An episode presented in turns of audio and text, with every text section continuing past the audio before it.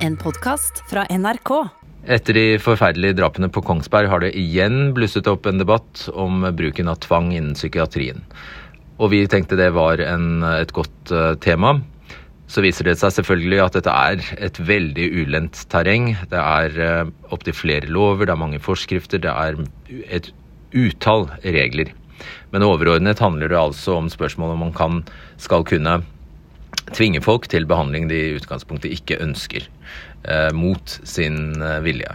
Da kommer også spørsmålet om samtykke inn, fordi politikerne har bestemt at i større grad skal det tas hensyn til de personene som eh, har såkalt samtykkekompetanse. Altså det kan f.eks. dreie seg om de er, når de er edru, om de ønsker å bli eh, behandlet eller innlagt. Og så der, Deretter så handler det om såkalte tvangsmidler. og Det dreier seg egentlig om hva helsevesenet kan gjøre med deg men når du er tvangsinnlagt. Og til slutt er det snakk om tvangsbehandling, som f.eks. kan dreie seg om medisinering. Så dette er eh, komplisert, men eh, det vi tar tak i, er det første spørsmålet som, eh, som melder seg, nemlig bør man bruke tvang mer eller mindre enn i dag. Og der er det ganske tydelige leire, så heng med. Kunne de vært forhindret? Kunne noen av livene som hvert år blir tatt av farlig og alvorlig psykisk syke, vært spart?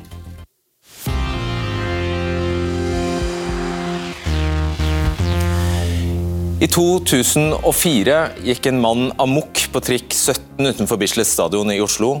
Han tok livet av én uskyldig. Gjerningsmannen fikk diagnosen paranoid schizofreni, ble dømt til tvungent psykisk helsevern. Sju år etter levde han fritt i hovedstaden.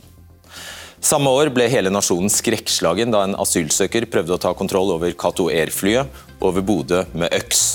Forsvarerne mente han var psykotisk. Flyet var 30 meter fra bakken da pilotene fikk kontroll. I 2012 ble en 22 år gammel mann knivdrept halloween-helgen av en barndomsvenn som hadde drukket alkohol og røyket marihuana. Gjerningsmannen ble dømt til tvungent psykisk helsevern. To år etter mente Vestre Viken helseforetak at han var frisk, og begjærte ham løslatt. I 2014 ble tre helt tilfeldige busspassasjerer på Valdresekspressen drept med sleggehammer og kniv av en person som senere tok livet av seg selv i fengsel. I april i år ble advokat Tor Kjærvik skutt og drept av sin egen sønn. Han hadde tidligere vært tvangsinnlagt i psykiatrien. I september i år ble Nav-ansatt i Bergen drept på jobb. Nav-ansatte ble på et halvt år utsatt for 600 trussel- og voldshendelser. Og også i 2013 ble Nav-ansatt på Grorud i Oslo knivdrept av en psykotisk gjerningsmann. Og nå til slutt. Espen Andersen Bråten er siktet for å ha tatt livet av fem personer på Kongsberg. Han skal ha gått inn og ut av helsevesenet. Vel møtt til professor Rangfrid eh, Kogstad. Eh, du mener alvorlig du mener tvang ikke fungerer.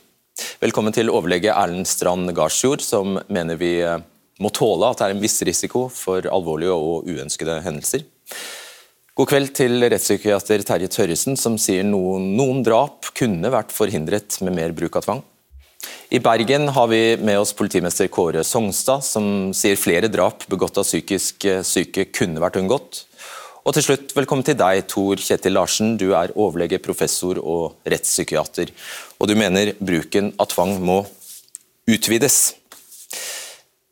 Og du advarer mot at flere eh, tragiske hendelser framover vil skje dersom vi ikke endrer reglene for bruk av tvang innen, overfor personer med psykose. Hvorfor det?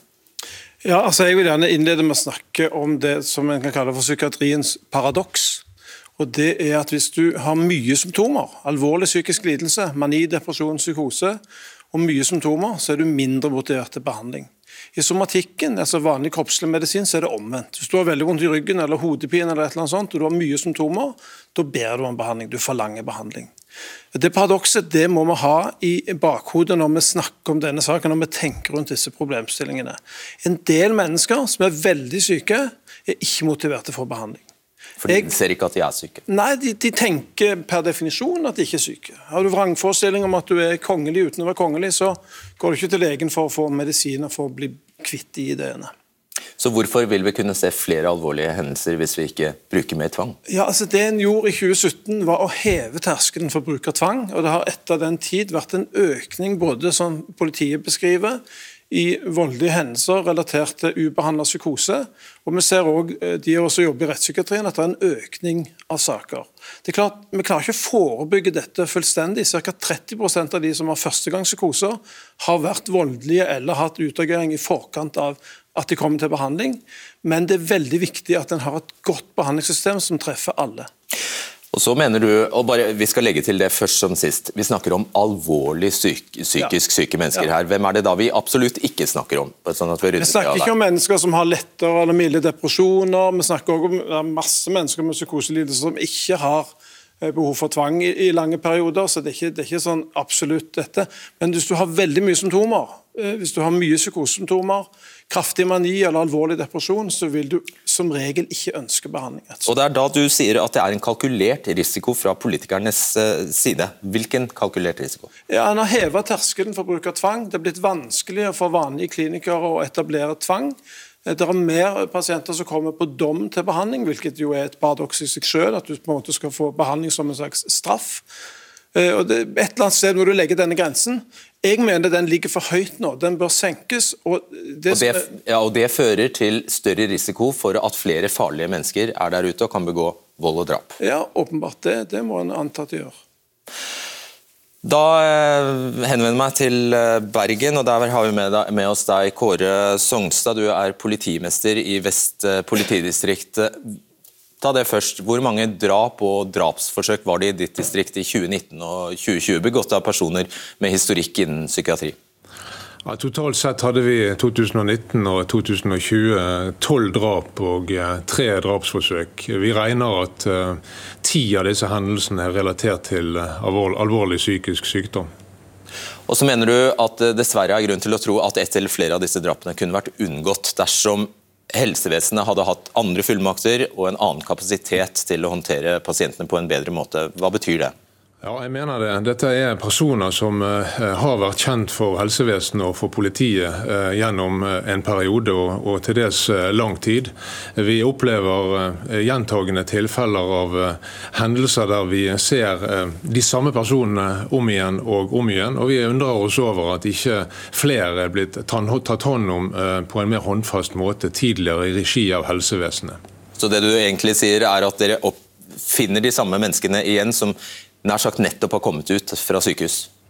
Ja, vi har eh, eksempler på det. og eh, Disse årene vi her snakker om etter 2017 har jo foranlediget en undersøkelse i regi av politiet der vi har gått litt grundigere til verks for å se på denne utviklingen i psykiatrioppdrag, som vi kaller det. Og I Vest politidistrikt, som de andre politidistriktene, har vi faktisk en dobling av, oppdrag siden 2000 og, eh, i 2020 sammenlignet med 2016. Så her er det et eller annet som har skjedd, og vi, vi tenker at eh, vi må tørre å stille spørsmål ved det som skjedde i 2017, da disse tersklene ble endret? Eh, vi kommer, altså, vi skal, jeg tror kanskje at vi nå først som sist prøver å forklare hva som skjedde i 2017. Det var jo altså slik at eh, Da ble lov om psykisk helsevern endret. og Hensikten er alle enige om var god. Den var å styrke pasientenes rettigheter, og psykisk syke skulle ikke lenger bli innlagt eller behandlet mot sin vilje dersom de har såkalt samtykkekompetanse. En av instansene som advarte før lovendringen, var Legeforeningen. De mente at den kunne føre til færre psykotiske personer som, ble, ja, som tok imot tvungent psykisk helsevern, og de advarte om at konsekvensen kunne bli alvorlig for pasientene og deres pårørende. Og som vi så nettopp, Vest politidistrikt mener det er altså nettopp det som har skjedd. At loven som skulle styrke pasientrettighetene, i stedet har ført til at flere, eh, flere tilfeller der denne pasientgruppa pga. sin psykiske lidelse utøver vold og drap. Og Da det, går det jo oftest dessverre utover nær familie, venner og av og til tilfeldige. Greit Rangfrid eh, Kogstad, du er professor ved Fakultet for helse- og sosialvitenskap ved Høgskolen Innlandet. Hva reagerer du på av det Tor Kjetil Larsen sa? For det første, så eh, når jeg tok doktorgraden, så fikk jeg inn mange mange historier fra brukere av psykiatrien. Og de gjorde et sterkt inntrykk. Og jeg tenkte at eh, sånn kan vi ikke ha det i Norge. Dette går ikke an. Og fikk etter hvert kontakt med flere som da jobba med menneskerettigheter. Jurister og andre. Så vi har hatt et eh, nettverk der og fulgt med hva som kommer av signaler fra FN, og hva både brukerorganisasjoner og faggrupper rundt i verden jobber med. Og det går jo entydig i retning vi må, vi må bli kvitt behandlingstvangen. Hvorfor må vi det? Fordi den er krenkende, den ødelegger livet til så mange. Den rammer mange på en måte som, som betyr at de får, de får ikke den hjelpen de hadde trengt. De får Fungerer ikke lov til det? å etter det jeg har sett, de studiene som kommer, tvang for å bedres hjelper ikke. Men det er kjempeviktig å skille mellom et eh, behandlingskriterium, tvang for å få en bedre helse, og tvang for å avverge fare. Og det er på en måte ikke stridsspørsmålet. Vi må avverge fare, vi må ha samfunnsvern, men vi må ikke blande rettsvern og helsehjelp. Og Den oppryddinga er vanskelig, men, men jeg tror vi må begynne der, sånn som FN gjør. Og enkelt forklart så er du, mener du det allerede er altfor mye tvang, tvangsbruk i Norge i dag? Ja, fra, altså fra alle de tusen jeg har hatt kontakt med, og brukerorganisasjonene, og også fagorganisasjoner og personer som jeg har fulgt og eh, kjenner gjennom mange år. Det er så mange tragiske historier. Noe må gjøres på systemnivå. Terje Tørresen, du er rettspsykiater, spesialist i psykiatri, overlege ved DPS eh, på Gravdal sykehus i Lofoten. Men jeg tipper mange av seerne kjenner deg best som eh, en av rettspsykiaterne i rettssaken mot Anders Behring eh, Breivik. Du har vært til stede i retten hvor gjerningsmannen altså har vært i psykiatrisk pasient og utøvd vold. Ut fra din vurdering, kunne noen av disse sakene, drapssakene altså vært unngått? Ja, det tror jeg den kunne. For det, er en del saker som ender med, med, at de ikke får god behandling. Og vi skal huske på at vi har egentlig ganske mye god behandling av psykisk syke i Norge. Det er ikke et ensidig at det er dårlig. Og av og til er det også sånn at noen av disse her må bli innlagt på tvang for å få god behandling. Eh, og da kan det forhindre at det begås mer voldelige eh, ja, overgrep eller drap eller trusler, vold. Brytes menneskerettighetene? Ja, Det er et veldig vanskelig spørsmål. og Det er klart du, det er litt sånn at man står på litt forskjellig side her nå. Man ser forskjellige deler av en historie. Og øh, Kokstad har jo sett den delen. Jeg har jobba i, i, psykiatrien i, i, mange, mange år. og Min opplevelse når jeg snakker med pasienter der og har anvendt tvang Noen av dem er jo veldig uenig i den bruken, mens andre syns at det har vært bra. Også familier, det er pårørende rundt dette her som også uh, har nytte av at det av og til brukes et, et middel. Uh, tvang er jo ikke bare bare noe dårlig. Det kan også være noe bra innimellom. At man får den hjelpa som man trenger over lang nok tid. Og det er vel der vi, vi har noe å hente på at vi trenger lengre tid i behandling. Vil du svare kort på det? Ja, altså Behandling er så mye, og eh, i en del av psykiatrien så er jo medisinering en veldig dominerende del av behandlingen. Og Hvis medisinene ses som helt nødvendig, så blir tvangsmedisineringen også nødvendig. Men hvis en kan utvide behandlingsbegrepet og, og, se på alle alternativene som er utvikla rundt om i verden, så er jo behandling også noe helt annet, og, og skaper jo heller ikke de konfliktene som oppstår når, når personer altså, blir utsatt for tvangsmedisinering som de opplever så forferdelig ødeleggende. Både fysisk og psykisk. Mener du det er aldri riktig å tvangsinnlegge? Nei, tvangsinnlegge har jeg ikke sagt mm. ikke er riktig. Eller, altså, det jeg sa, Vi må skille fare- og behandlingskriteriet. Vi må skjerme folk mot seg sjøl og mot samfunnet. En annen diskusjon er jo hvordan kan vi lage er tvangsmidlene du egentlig eh, problematiserer? Ja, tvangsbehandling. Kan, kan man bli frisk? Kan man det som skjer etter at de er, døra er låst bak dem? Kan man få igjen mestring, tro på livet, tro på mm. mennesker, selvtillit av tvang? Eh, nettopp. Erlend Strand Garsjord, du er psykiater ved Oslo universitetssykehus, overlege ved seksjon for tidligere psykosebehandling. Ja, for seerne skal jeg legge til at det er du som avgjør om en person skal tvangsinnlegges.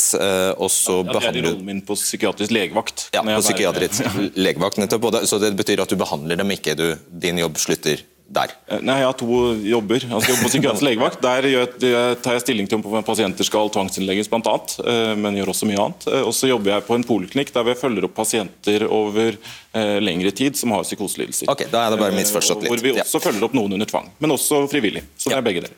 Men du vil ikke ha mer tvang? Nei, jeg tenker at Den linjen eh, som eh, vi har lagt oss på i dag, er eh, går an å forsvare og er relativt fornuftig og tuftet på noen fornuftige avveininger eh, mellom eh, da eh, bl.a. individets frihet opp mot samfunnets behov for vern. Og Det kan du si selv etter å ha hørt Vest politidistrikt her?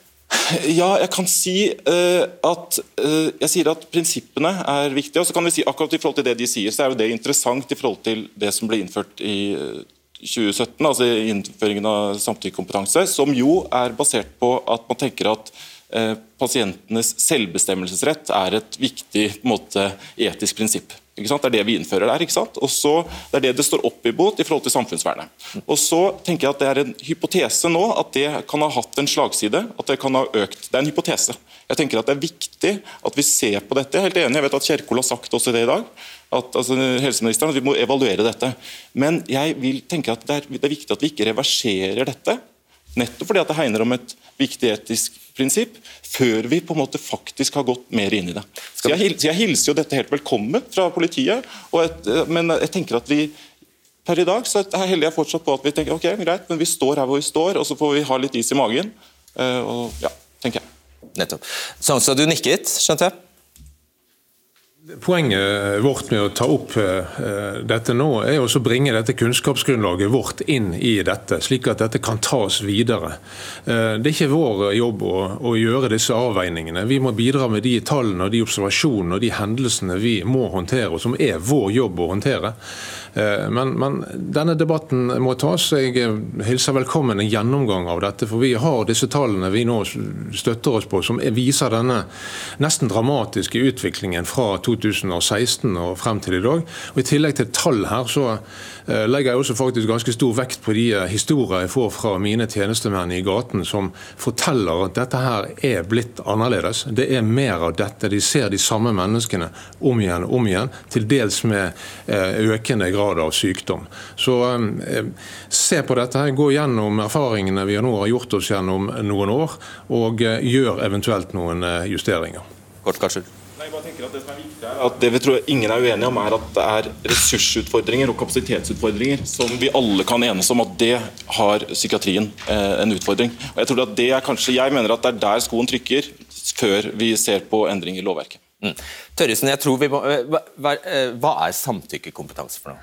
Ja, eh, det er jo et vanskelig, det er et juridisk begrep, og, og, det er litt eh, vanskelig, men jeg skal prøve å ta det kort. Eh, og Det går på at man har en beslutningskompetanse, man skal beslutte noe om sitt liv og sin helse. Du er vi dine fulle fem, er det rimelig? Også? Ja, altså du skal forstå det medisinske problem på en måte, det som fremlegges. altså vi mener at du kanskje har sånn og sånn, hva mener du?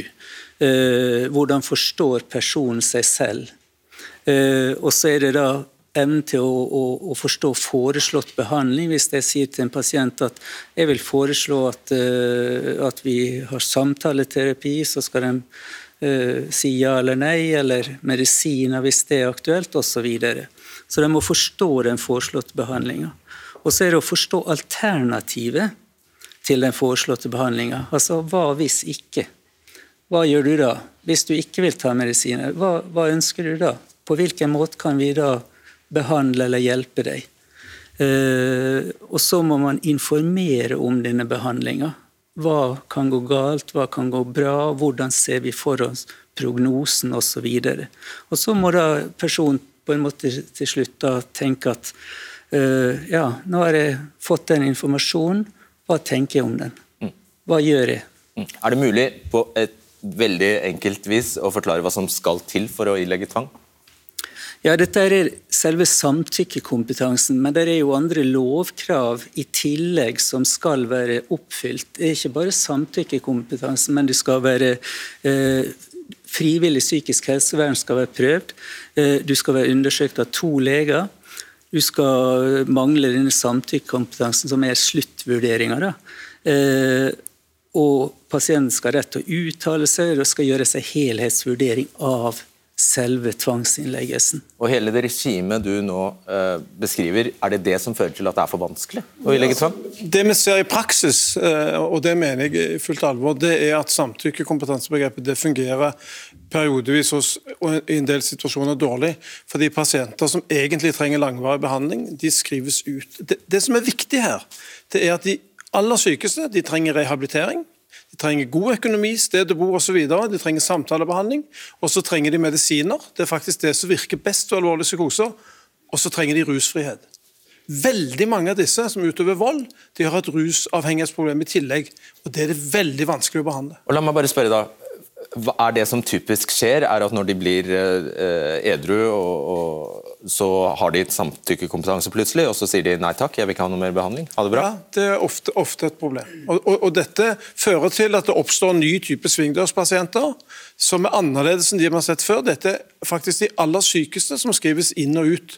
Og Det er det mange advarer mot. Nå hører vi kollegaer er ikke så bekymra. Det er andre kollegaer som er bekymra. Lars Lien, f.eks., formann i Norsk Forening. Jan Olav Johannes, tidligere formann i, i samme forening. De er alle like bekymra som meg, faktisk.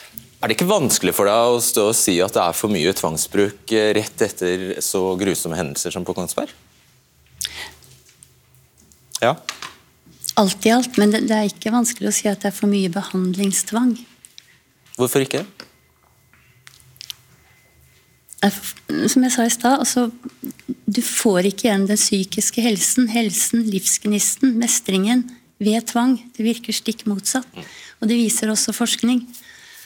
Men, men vi må ha samfunnsvern. Vi, og, og det er der jeg sier at vi må begynne å diskutere grensegangen mellom rettsvern og helsevern. Akkurat. Du kunne ikke ha gitt meg en bedre overgang egentlig til eh, politikerne, og ikke minst til Vanessa, som vi skal få inn her. Politikerne de er Tone Trøen fra Høyre, som nå har blitt leder i helse- og omsorgskomiteen. Og så har vi nyslått helse- og omsorgsminister Ingvild Kjerkol fra Arbeiderpartiet. Men så er du her, Vanessa. Velkommen til deg. Tusen takk. Du er 19 år og videregående elev. Mm. Du har opplevd tvangsbehandling? Mm. Eh, det har jeg. Og eh, i oppveksten så opplevde jeg ganske mange alvorlige ting. Og det gjorde til at det blei mye kaos inni meg, og at det blei til mange vonde ting inni meg. Og de vonde tinga gjorde egentlig at eh, det ble masse desperasjon inni meg, som gjorde at jeg skada meg selv, og jeg ble desperat, og jeg kunne se og høre ting som ikke var der, og bli helt sånn fjern, da. Og da ble jeg innlagt i psykisk helsevern. Nettopp. Og så er du det dere kaller for proff i Forandringsfabrikken. Dere reiser rundt i Norge og samler erfaringer fra mennesker som på en eller annen måte har vært i kontakt med offentlige systemer. Da. Eh, hva var det helt eh, Kan du fortelle om det? Hva var det helt eh, spesifikt som utløste at du ble utsatt for tvang? Det var jo egentlig eller aller først da, så er det ganske viktig det du sier med at jeg er proff. For det betyr jo at jeg selv har erfaring, og så har jeg jo mer kunnskap fra mange ungdommer om tvang i det jeg sier. da. Men det som skjedde, var jo at jeg hadde opplevd mye vondt, og så gjorde det at det blei til mange ting jeg gjorde. Fordi, eh, fordi det blei så mye kaos inni meg. da. Og da blei jeg innlagt og blei brukt mye tvang mot. Kan du si om du uh, var, Gjorde du noe overfor deg selv eller andre, eller hvordan var det? Um, jeg gjorde mye vondt mot meg selv. Jeg skada meg selv, og jeg slutta å spise. Og jeg blei også ganske sånn fjern da, av alt det vondt inni her. At jeg begynte å ja, se, og ting, se, og høre ting som ikke var der, fordi kaoset inni meg blei så stort. da. Og så, Hva er tvang, egentlig? Hva betyr det? Du ble, du ble lagt i belter, faktisk. Mm. Det er bare én form for tvang, men hva ellers kan tvang dreie seg om? Eh, tvang kan jo dreie seg om at man eh, holder mennesker fast, eller legger dem i bakken, eller setter seg oppå dem, eller putter sprøyter med medisin i rumpa deres. liksom. Eller at man putter dem inn på strippa rom hvor de må være når de når mennesker blir urolige på utsida når de egentlig har det vondt inni kroppene sine. Og hva gjorde tvangen med deg? Hvordan opplevde du det? Eh, for meg så opplevdes tvangen kjempekaldt, fordi eh, ja, det bare opplevdes kjempekaldt og egentlig nedverdigende. Og følte meg egentlig bare bitte liten. Og det gjorde egentlig at når det ble brukt så mye tvang mot meg, så vet jo jeg nå at jeg ikke er syk. Men jeg begynte å tenke sånn ordentlig inni meg sjæl at jeg var et sykt menneske. Eh, og det over, prøvde jeg å overbevise alle rundt meg om, og jeg tenkte det skikkelig godt inni meg selv. Men det skal jo være behandling. Ble du ikke friskere av Um, tvangen? Nei, fordi eh, Jeg lurer jo litt på hva Norge har tenkt eh, når det er sånn. fordi Hvordan skulle det bli mulig for meg da, å fortelle om vonde og vanskelige ting og jobbe med de, når de samme menneskene holdt meg fast, eller la meg i bakken, eller putta meg i belter, eller bestemte det? Skjønner du, skjønner du hvorfor de måtte bruke tvang på deg? Jeg skjønner hvorfor man tenker at eh, de måtte bruke tvang på meg. og jeg skjønner at voksne... Eller jeg skjønner ikke at de tenkte at de måtte bruke tvang, men jeg skjønner at de tenker at de blir redde eller bekymra eller blir usikre på hva de skal gjøre. Men Og fra meg og fra mange andre ungdommer så handler det jo ikke om at jeg ikke skulle bli stoppa, for jeg ville jo ikke gjøre vondt mot meg sjøl.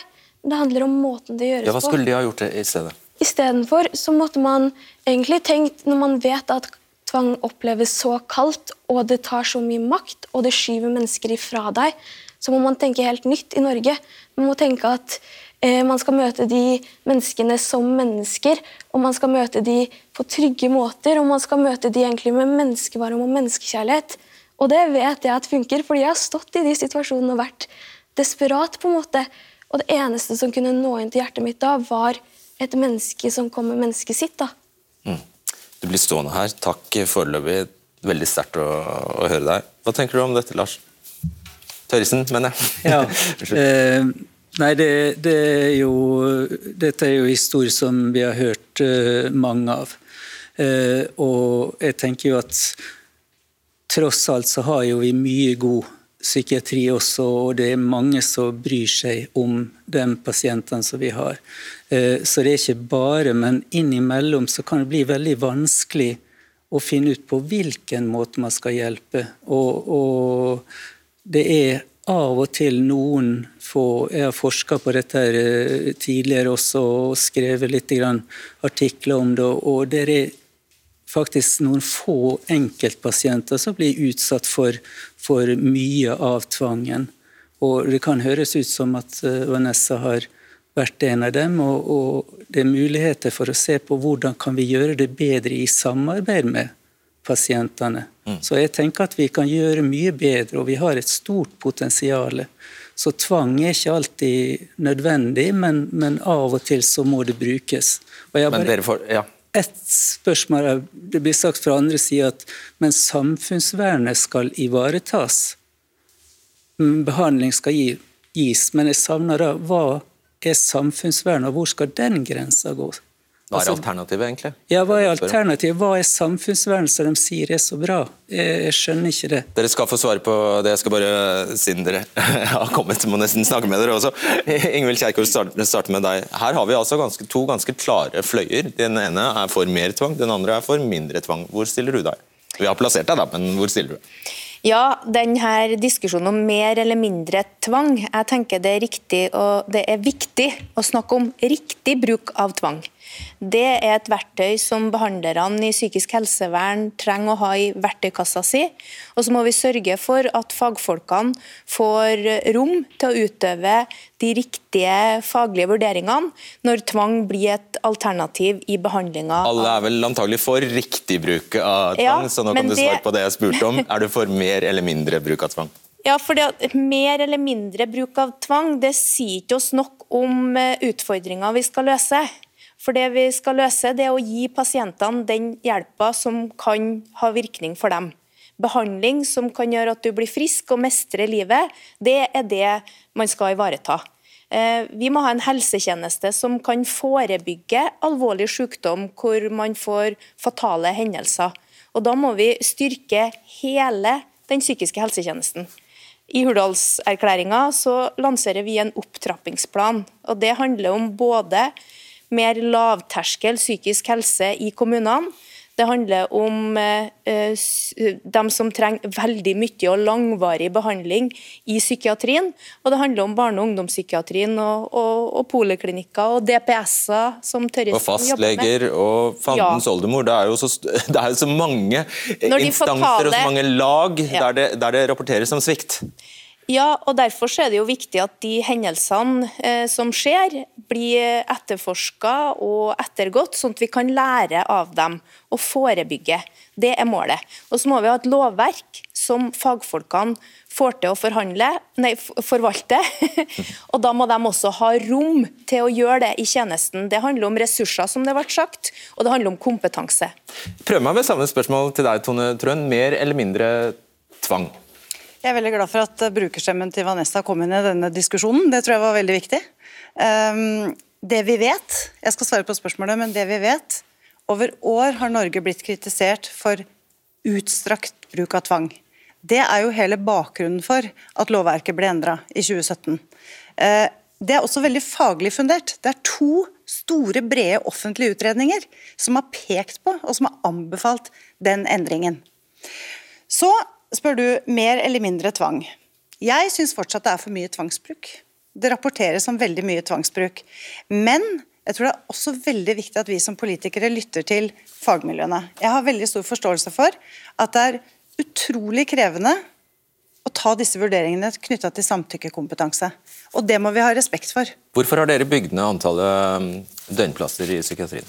Ja, det har vært et, eh, det har vært et nærmest egentlig et tverrpolitisk eh, skifte. Fra, det er helt og, riktig, men fra, nå spør jeg deg hvorfor dere vil det. Det er fordi at man vet at eh, det er ikke nødvendigvis det å ha folk liggende inne på døgn som er det som skaper endring. Det å ha en ambulerende tjeneste som gjør at du faktisk kan bo hjemme i ditt eget nærmiljø, men motta behandling av høy kvalitet, det kan også være viktig. Så registrerer at Arbeiderpartiet i Hurdalsplattformen sier at de vil ikke nå bygge ned flere. Det er vi helt enig i. Men det er også en analyse som viser at vi nok har nok døgnplasser i Norge, men det kan hende de ikke er um, dimensjonert riktig. Og det må vi se på. Ja, De er altså redusert, og her har Arbeiderpartiet vært med på det. Fra 1998 til 2019 så er antallet døgnplasser redusert for voksne redusert med over 50 De er jo erstattet med en annen type tjeneste, annen nemlig tjeneste. en hjelp mm. som er i nærmiljøet der du bor. Eh, men er, det riktig, er du enig i at eh, vi ikke trenger disse døgnplassene? Nei, jeg mener at vi trenger helt utvilsomt mer døgnplasser nå. Eh, jeg vil arrestere meg selv hvis det er blitt sånn at jeg blir en kar som sier at vi må bruke mer tvang. Det jeg tror er at Hvis vi tar konsekvensen av den erfaringen vi har gjort nå, så vil det faktisk bli noe mer økning av tvang. Vanessa sin fortelling er kjempeviktig. Selvfølgelig skal vi ta kritikk. Og vi skal, ha, vi skal, ha, prosesser som går på å bearbeide den bruken av tvang vi bruker. Vi vet at folk kan ta skade av tvang. Det kan nok ta skade av feil bruk av tvang. Det må vi, de så, må vi... Ja, så Når Kjerkol sier, sier, riktig bruk av tvang, hva, hva, hva hører du da? Ja, Det, det er vakker sang i mine ja, Men hva betyr det? Hva er det? Det betyr at istedenfor å si fra politisk hold at en skal redusere bruk av tvang, så skal en si du skal ha riktig bruk av tvang. Skal ha gode evalueringsprosesser. Vi har faktisk ingen forskning i Norge som viser at vi bruker for mye tvang. Og så Når dere klarer å være uenige dere fagfolk om noe så vesentlig som om det skal være mer eller mindre tvang, hvordan skal vi stole på at dere er enige om hva riktig bruk av tvang er da? Nei, Jeg tenker jeg står like på det. Jeg, tror, nei, nei, men jeg tror kanskje at den, det illustrerer at fasiten er ganske vanskelig å finne. Ja. her, ikke sant? Når man jobber med disse problemstillingene og gjør de vurderingene, så er det vanskelig. ikke sant? Og Det er 'damn if you do, damn if you don't' ofte. da, ikke sant? Det er alltid, det er noen, det er hensyn som du veier. Eh, så jeg tenker at eh, dette illustrerer litt det. Så sier jo ikke jeg at jeg skal ha mindre tvang. Jeg sier at, vi, at jeg tror kanskje ikke vi, jeg roper ikke etter mer tvang nå. Jeg tenker at vi har 8000 tvangsinnleggelser i året. Det er ganske mye. ikke sant? Mm. Uh, så vil jeg jo si en ting, for Det var spørsmål her om samfunnsvernet, om det på en måte ikke er ivaretatt. Jeg tenker jo at også med dagens lovverk så er samfunnsvernet hensyntatt. Det er viktig å huske på det. ikke sant? Selv sier du det en uke etter Kongsberg-drapene? Ja, jeg tenker at det I lovverket så er det det. Altså, vi har det, uh, det, er jo virkeligheten vi forholder oss til, da, utslaget av lovene. Men Det er viktig å huske på her at disse tingene Dessverre så er det ikke sånn at vi kan gardere oss helt mot denne type hendelser. Uh, det er sånn at vi sliter med å identifisere på forkant uønskede hendelser. Vi sliter med det. Og da, Hvis vi skal på en måte gardere oss helt på det, så må vi bruke vi må sannsynligvis frihetsberøve ganske mange for å hindre én alvorlig hendelse. Du må tvangsinnlegge flere for å hindre ja, ikke sant? Må, sånne så, hendelser? Så det, er, det, er kostnaden, ikke sant? Og Derfor må vi være klar over og, og, og det er ikke du villig til? for å si Nei, det jeg tenker at Det er en avveining som lovgiver har tatt inn over seg. ikke sant?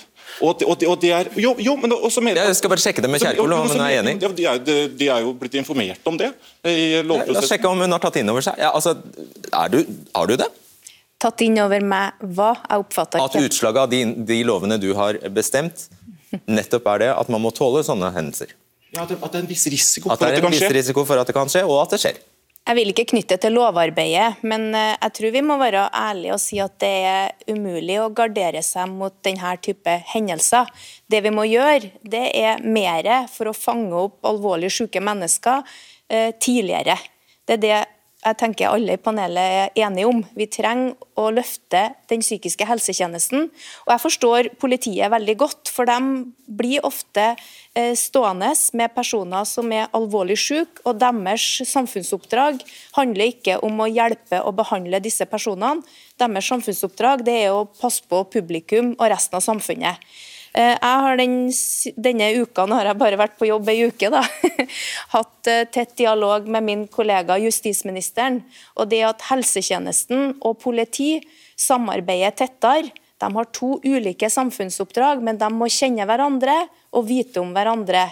Helsetjenesten sitt ansvar det er ikke å forhindre drap, det er å behandle mennesker for deres uhelse. Ja, og nettopp her er det rusk i maskineriet, Songstad. Skal vi se. Vi prøver oss igjen. Hørte du hva som ble sagt? Ja, bare delvis. Det var noe med lyden her. Så. Politi og helsevesen, er det ruske maskineriet ifølge dere? sier jeg. Ja, Ikke så mye, mitt inntrykk. Jeg syns vi samarbeider veldig godt med, med, helsevesenet. Vi har god dialog. Det er gode mekanismer mellom etatene for utveksling av informasjon. Det dette handler om, er å, å ta en fot i bakken og, og, gå gjennom dette her på ny, som jeg var inne på tidligere. Og rett og slett se på de erfaringene vi nå har gjort oss, slik at vi får satt disse her, eh, funnet denne balansen på, eh, mellom tvangsbruk og samfunnsvern, som, eh, som gjerne blir politiets oppgave når disse tingene her går galt i ulike sammenhenger. Og jeg tenker det at Får man til en god informasjonsutveksling og kanskje en gjennomgang av disse tingene nå, så, så, kan vi sammen igjen utvikle gode ting som kan bringe dette videre. Men det er viktig å ta disse diskusjonene i disse dager. Vi må i hvert fall ikke se oss blinde på at det er lovverket som, som, på en måte er den eneste løsningen her. Og vi kan ikke komme dit at vi, at vi skal tvangsbehandle flere mennesker for sikkerhets skyld. Altså Det er utrolig viktig. Det er en vanskelig balansegang dette her, mellom menneskets frihet og det å ivareta samfunnsvernet. Og Det må vi klare å løse sammen, men vi kan ikke gjøre det med mer tvang. Hva hørte du av Vanessa? Hva, hva er, det som, er det noe gjenkjennelig? Ja, det er veldig, veldig gjenkjennelig. Og, og, det som slår meg, at under, under den fortellingen så ligger det eh, en fortelling om menneskesyn, eller sykdomssyn, i det minste. Og så har vi en fortelling, en forståelse, som handler om at det er mulig å nå mennesker. Vi kan nå dem med dialog, med nærvær, med tillit. Eller, eller eh, har de en sykdom, et eller annet som er fremmed, annerledes, og som da trenger denne medisinske behandlingen. Som Larsen sier, er de eh, psykotiske, trenger medisiner. Og det er en sannhet med veldig store modifikasjoner. Vi skal ikke slå hverandre i hodet med forskningsfunn her. Men vi har veldig mye dokumentasjon fra rundt om i verden. Det medisineres for mye, at, er det det du sier? At de som ikke får antipsykotiske medisiner, kommer seg fortere, mange ganger fortere og kommer seg tidligere. Men det, det, blir jo en sånn kamp om forskning, men i hvert fall så er det ikke bare én historie her, og det er veldig viktig. Den følelsen du fikk av å bare bli mindre, mm. Når opphørte den, Når slutta du å ha den uh, følelsen? Um, den slutta jo ikke så lenge jeg var innpå der, og så lenge jeg var i psykisk helsevern, egentlig. Fordi når jeg ble tatt kontroll over, igjen og igjen og igjen, så var det null tillit igjen inni her. Og da hadde jeg ikke noe tillit til noen voksne av de, eller eksperter i psykisk helsevern uansett, liksom. Og det gjorde jo at, fordi Det er jo snakka mye om god behandling her i dag. Men det ble jo ikke mulig for meg og det blir jo ikke mulig for andre mennesker å få god behandling når vi tar kontroll ovenfra på den måten der. Men var du farlig? Um, altså, jeg gjorde ting som kunne bli farlig for meg selv, og som kunne kjennes skummelt for andre mennesker. Men uh, jeg kunne, og Det er ikke spørsmål om jeg skulle stoppes eller ikke. Spørsmålet er bare hvordan er det vi gjør det her i Norge. Fordi sånn som tvang er rigga i dag, og sånn som man bruker tvang på mennesker i dag, så tar man bare kontrollen liksom her, og så holder man de fast, eller gir de tvangsmedisinering, eller eh, putter de i belter. Men eh, så kan jo de menneskene stoppes på måter som når fast i det mennesket inni der. Ville det vært mer komplisert å stoppe deg på andre måter? Ville det vært vanskeligere? Eh, jeg tror egentlig det hadde vært ganske mye enklere. Fordi, fordi hvis at eh, voksne eller eh, folk i helsevesenet og i psykisk helsevern blir lært opp til at jeg skal møte deg som menneske når du har det vondt inni deg, så hadde jo det vært mye mer grunnleggende enn at man skal liksom lære opp eh, mennesker til å møte hardt med hardt. Fordi det er jo egentlig ikke sånn man gjør med mennesker i andre situasjoner som har det vondt. Hva tenker du nå? Nei, Jeg, jeg lytter til dette, og jeg, jeg syns det er viktig å høre din stemme. Absolutt. Men jeg lurer på om vi har to forskjellige diskusjoner nå. Det ene er mer generelt om dette med bruk av tvang, og det andre er tvangsbruk overfor de aller sykeste. Og Mitt råd til politikerne nå når de skal revurdere dette, er å ta fagfolk med i, evalueringen, ikke bare bruk, brukerorganisasjoner. Nå sa jo Trøen nettopp at fagfolkene er uenige med det Nei, dere fagfolkene, De fleste av oss er faktisk enige om dette. Jeg, jeg, jeg vil bare, bare, si til slutt at eh, en skal være klar over at når en bruker tvang, så utøves det av mennesker som jobber på psykiatriske poster rundt omkring i Norge. Og Jeg er dypt uenig i en kritikk på et generelt plan av deres holdninger til mennesker. Veldig mange av de er vennlige personer som har gode intensjoner, lang erfaring.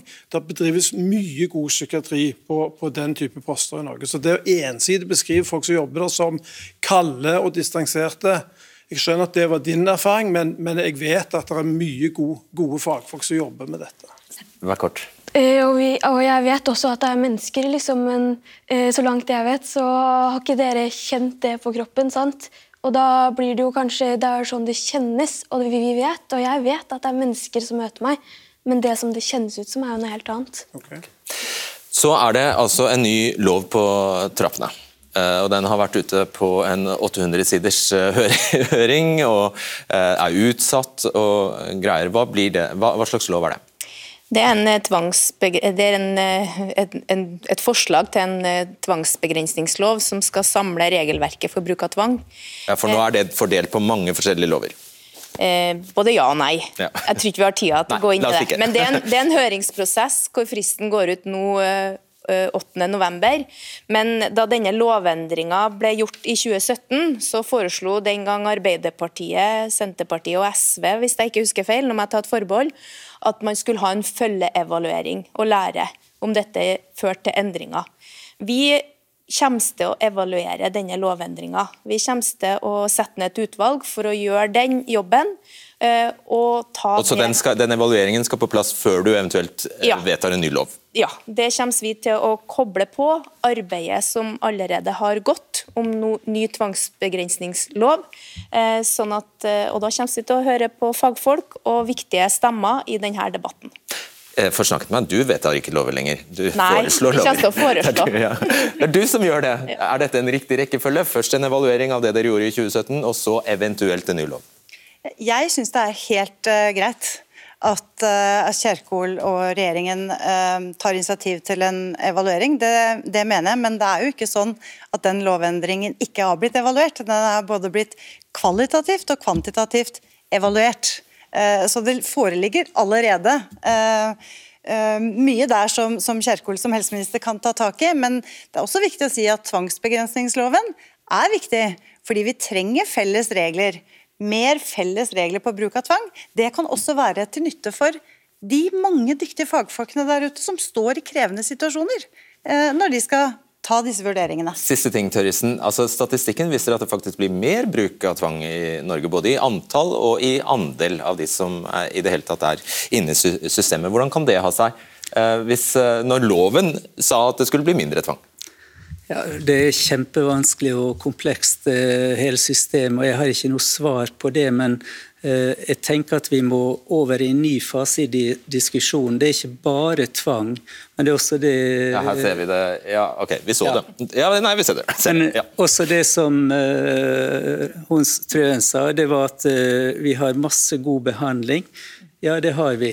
Uh, i rundt 2000 så var det sånn eh, masse folk fra Helsedirektoratet og andre som dro til eh, Triest for å se på det fantastiske helsevesenet som slapp ut alle de syke og de sykeste ut på gata.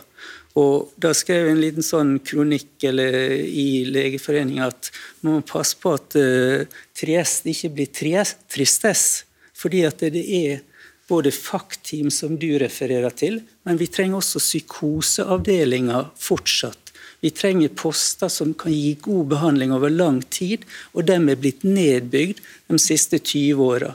Den gruppa som har det vanskeligst, som er mest syke, den trenger plasser og ei sykehusseng.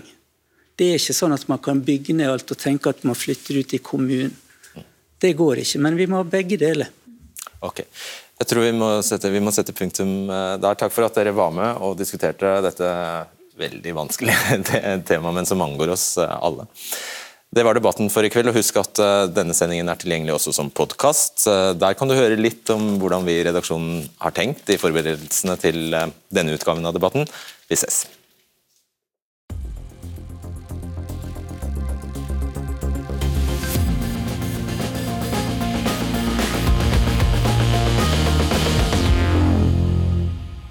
Ja, jeg syns det var nokså greit å følge med og henge med på hva fagfolkene mente, og hvilken leir de sto i. Ikke like tydelig hvor politikerne plasserte seg, om de var for mer eller mindre tvang, men det kan jo komme av at denne nye loven er på trappene. Så det blir sikkert tydeligere etter hvert. Og så vil jeg bare rette en stor takk til Vanessa nok en gang for at hun, 19 år som hun er, stilte opp og delte så åpenhjertig som hun gjorde. All kudos til henne. Og takk for at du hører debatten på podkast. Vi høres. Du har hørt en podkast fra NRK. Hør flere podkaster og din NRK-kanal i appen NRK Radio.